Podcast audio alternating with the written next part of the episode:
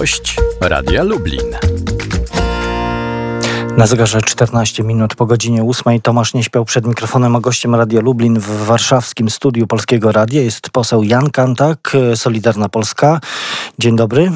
Dzień dobry panie redaktorze, dzień dobry państwu. Jeszcze w Warszawie, ale już zaraz wyjeżdżam do Lublina. E, w oczekiwaniu na wizytę pana e, posła chciałbym zacząć od tego, że prezydent Andrzej Duda poinformował, że wstrzymuje się z nominacjami sędziowskimi do czasu rozstrzygnięcia sporu kompetencyjnego przez Trybunał Konstytucyjny. Chodzi oczywiście o przepisy e, konstytucji dotyczące i odnoszące się do podziału władzy i powoływania sędziów. To dobra decyzja, salomonowe rozwiązanie prezydenta?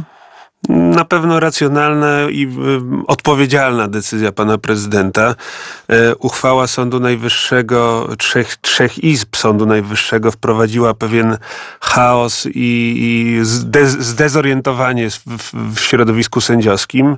E, dlatego Trybunał Konstytucyjny e, w ramach swoich kompetencji związanych z rozstrzyganiem sporów kompetencyjnych wykorzystał przepis, który umożliwia zabezpieczenie w postaci zawieszenia zawieszenia tej uchwały do momentu właśnie rozsądzenia kwestii sporu kompetencyjnego, bo rzeczywiście taki spór istnieje, no co bardzo do tego fundamentalny. Są do, do tego, co do tego wątpliwości, bo opozycja uważa, że żadnego sporu nie ma. Sam też e, Sąd Najwyższy uważa, że w tej sprawie nie mamy do czynienia z realnym sporem kompetencyjnym, tylko sporem, który został w istocie wykreowany wnioskiem marszałek Sejmu.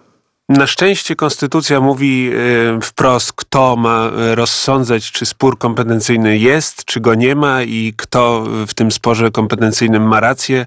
Tego e, rodzaju sytuacje miały już miejsce dotychczas. Przecież przypominamy sobie sytuację, w której między innymi taki spór kompetencyjny za czasów prezydentury świętej pamięci profesora Lecha Kaczyńskiego, kiedy Donald Tusk no, domniemywał sobie prawo do jeżdżenia na posiedzenia Rady Europejskiej. Prezydent Lech Kaczyński wtedy zwrócił się do Trybunału Konstytucyjnego, aby rozsądzić ten spór kompetencyjny, kto ma uprawnienie do tego, by reprezentować Polskę między innymi właśnie na Radzie Europejskiej. Wtedy Trybunał Konstytucyjny uznał, że prezydent Lech Kaczyński ma rację. E, I teraz również jest taki spór. Spór ma bardzo fundamentalne podłoże, bo mówimy o tym, czy Sąd Najwyższy czy inne też organy mają prawo podważać ko konstytucyjną prerogatywę prezydenta RP do powoływania y, sędziów y, na urząd. To jest naprawdę Rozumiem bardzo... pytanie pana posła, y, y, ale także byłego do niedawna przecież y, szefa gabinetu politycznego ministra sprawiedliwości i jego rzecznika prasowego. Y, pytanie o to właśnie, to jest pytanie retoryczne, jak rozumiem. No, panie redaktorze, według mnie sytuacja jest retoryczna, ale jeśli y, rzeczywiście sędziowie Sądu Najwyższego y, interpretują to w inny sposób, no to mamy spór kompetencyjny. I w takim razie o tym sporze musi zdecydować Trybunał Konstytucyjny, który zgodnie z Konstytucją jest do tego powołany, bo y, obywatele nie zawsze wiedzą dokładnie, czym się zajmuje Trybunał Konstytucyjny. Z reguły myślimy, że Trybunał zajmuje się tylko kwestią oceny konstytucyjności ustaw przyjmowanych przez polski parlament, ale nie tylko. Konstytucja przewiduje właśnie też rozstrzyganie przez Trybunał Konstytucyjny sporów Y, kompetencyjnych no właśnie, przez skoro... organy, y, organy konstytucyjne, bo y, Trybunał zgodnie z orzecznictwem i też z konstytucją jest sądem ostatniego słowa, czyli już jego orzeczenia nie mogą być w jakiś sposób, jakikolwiek sposób podważane. No ale zaraz, zaraz będziemy mieć stanowiska, e, czy to sędziów, jakieś, jakiejś części środowiska sędziowskiego, e, czy to polityków opozycji, którzy będą e, kwestionować takie orzeczenie? No niestety mamy sytuację, w której niektórzy sędziowie, bo to nie należy generalizować, niektórzy sędziowie próbują sobie wziąć na zakładników y, obywateli w imię wojny doraźnej z rządem Prawa i Sprawiedliwości, który y, jako pierwszy rząd realnie odważył się przeprowadzić y, gruntowną reformę wymiaru sprawiedliwości. To nie jest, nie są moje słowa jako polityka, który jest związany z Prawem i Sprawiedliwością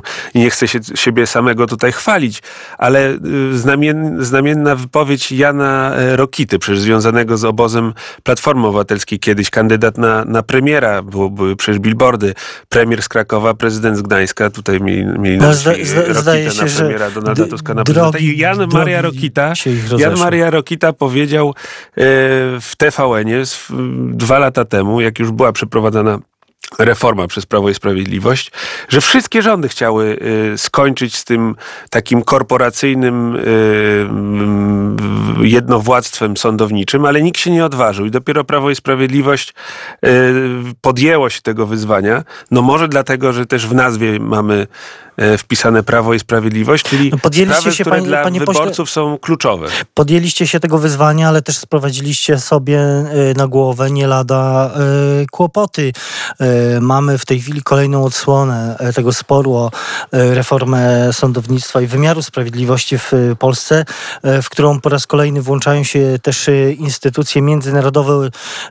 Zgromadzenie Parlamentarne Rady Europy przyjęło we wtorek rezolucję w sprawie funkcjonowania instytucji demokratycznych w Polsce. E, Właśnie dotyczyły ona, dotyczy ona krytycznego, krytycznej oceny wobec działań polskiego rządu e, związanych z reformą sądownictwa. Czy, czy nie ma e, pan wrażenia, że e, w tej walce, jak pan mówi o reformę e, i w, w tej e, odważnej decyzji polski rząd jest jednak osamotniony? Panie redaktorze, jeszcze wróciłbym do tego wątku, a później, y, który po- podjąłem przed zadanym pytaniem dotyczącym właśnie tej odwagi w przeprowadzeniu y, reformy między innymi Krajowej Rady Sądownictwa. Bo proszę zwrócić uwagę, że nawet Andrzej Rzepliński jeszcze, kiedy y, był sędzią Trybunału Konstytucyjnego, wcześniej jeszcze ważną osobą w Helsińskiej Fundacji Praw Człowieka, profesorem, mówił, że Krajowa Rada Sądownictwa to związek zawodowy konserwujący źle pojęte interesy zawodowe sędziów i mówił, y, że trzeba, pi- pierwszym krokiem w uzdrowieniu sądownictwa jest y, przeprowadzenie reformy Krajowej Rady Sądownictwa i oderwanie y, Krajowej Rady Sądownictwa od sędziów. To mówił Andrzej Rzepliński, podobnego rodzaju sformułowania form, ym, mówił Jerzy Stępień, czy choćby program Platformy Obywatelskiej w 2007 roku przewidywał właśnie od, odebranie sędziom możliwości decydowania o tym, jak wygląda władza sądownicza. Przechodząc teraz do pytania związanego z reakcją międzynarodową, no to tutaj trzeba zwrócić jednak uwagę na uwarunkowania polityczne. E, Rząd Prawa i Sprawiedliwości jest y, jednym z niewielu, jeśli nie jedynym oprócz rządu węgierskiego, rządem prawicowym. I tu trzeba brać pod uwagę te polityczne e, aspekty, no bo jeśli zwrócimy uwagę, że teraz nawet e, Komisji Europejskiej nie podoba się przekop Mierzei Wiślanej i wszystkie e, działania tych organów niestety unijnych są nastawione ne- w ne- sposób negatywny do polskiego rządu. No, Czyli to jest tak, że przez co by w zasadzie PiS nie zrobił 30 w Polsce, to zawsze będzie wywoływało, wywoływało negatywną reakcję y, unijnych instytucji Tak, czy tak, europejskich instytucji? Tak to niektórzy mogą odbierać, zwłaszcza jeśli porównamy, e, tutaj już wracam do kwestii wymiaru sprawiedliwości, jeśli porównamy e, systemy, to, że w Niemczech to politycy Bundestagu razem z ministrami sprawiedliwości w landach decydują, kto będzie sędzią, a kto nie, no to widzimy, że sposób wybierania sędziów w Niemczech jest daleko bardziej upolityczniony niż w Polsce. Czy choćby kwestie w Hiszpanii, gdzie ta ustawa o Krajowej Radzie Sądownictwa w obecnym kształcie jest wręcz zapożyczona. Można by nas oskarżać o plagiat. To już bardziej byłoby e, e, zgodne z prawdą niż, niż oskarżanie nas o upolitycznianie i e, ograniczanie niezależności sędziów. Bo w jaki sposób wybór sędziów do Krajowej Rady Sądownictwa wpływa na ich niezależność i niezawisłość? Skoro ci sędziowie mają czteroletnią kadencję, nie są odwoływalni, a Przecież mówimy o sędziach, którzy zanim Prawo i Sprawiedliwość rządziło, już byli sędziami. Czyli jeśli środowisko sędziowskie, nieprzychylne reformom, uważa, że teraz Krajowa Rada Sądownictwa jest upolityczniona poprzez to, że zasiadają tam sędziowie wybrani przez Sejm, no to oznacza, że oni przecież byli sędziami jeszcze wcześniej. To sądownictwo też było wtedy upolitycznione, gdyby przyjąć taką logikę. E, czy jest pan przekonany, że prezydent e, podpisze nowelę ustaw e, sądowych, która rozszerzy odpowiedzialność dyscyplinarną sędziów? Sam Andrzej Duda mówi, że decyzja w tej sprawie zapadnie w przewidzianym do tego konstytucyjnym terminie. To oczywiście jest 21 dni od momentu otrzymania ustawy. No nie chciałbym tutaj prorokować i w jakikolwiek sposób y, choć domniemywać próby nacisku na pana prezydenta, ale wydaje mi się, że wszystkie Chociaż znaki... jeśli, jeśli prezydent mówi, że nie ma wątpliwości, że w tej ustawie jest wiele rozwiązań, które są systemowo po prostu potrzebne, no to wydaje się, że sprawa jest y, przesądzona. No, wszystkie znaki na ziemi i na niebie wskazują, że y, prezydent Andrzej Duda powinien E, poprzeć e, tę ustawę. Ostatnio przecież spotkanie między innymi pana prezydenta z mieszkańcami Opola Lubelskiego. Tam pan prezydent też poświęcił chwilę swojego wystąpienia na, na omówienie kwestii bieżących, które się dzieją w wymiarze sprawiedliwości w polskim sądownictwie.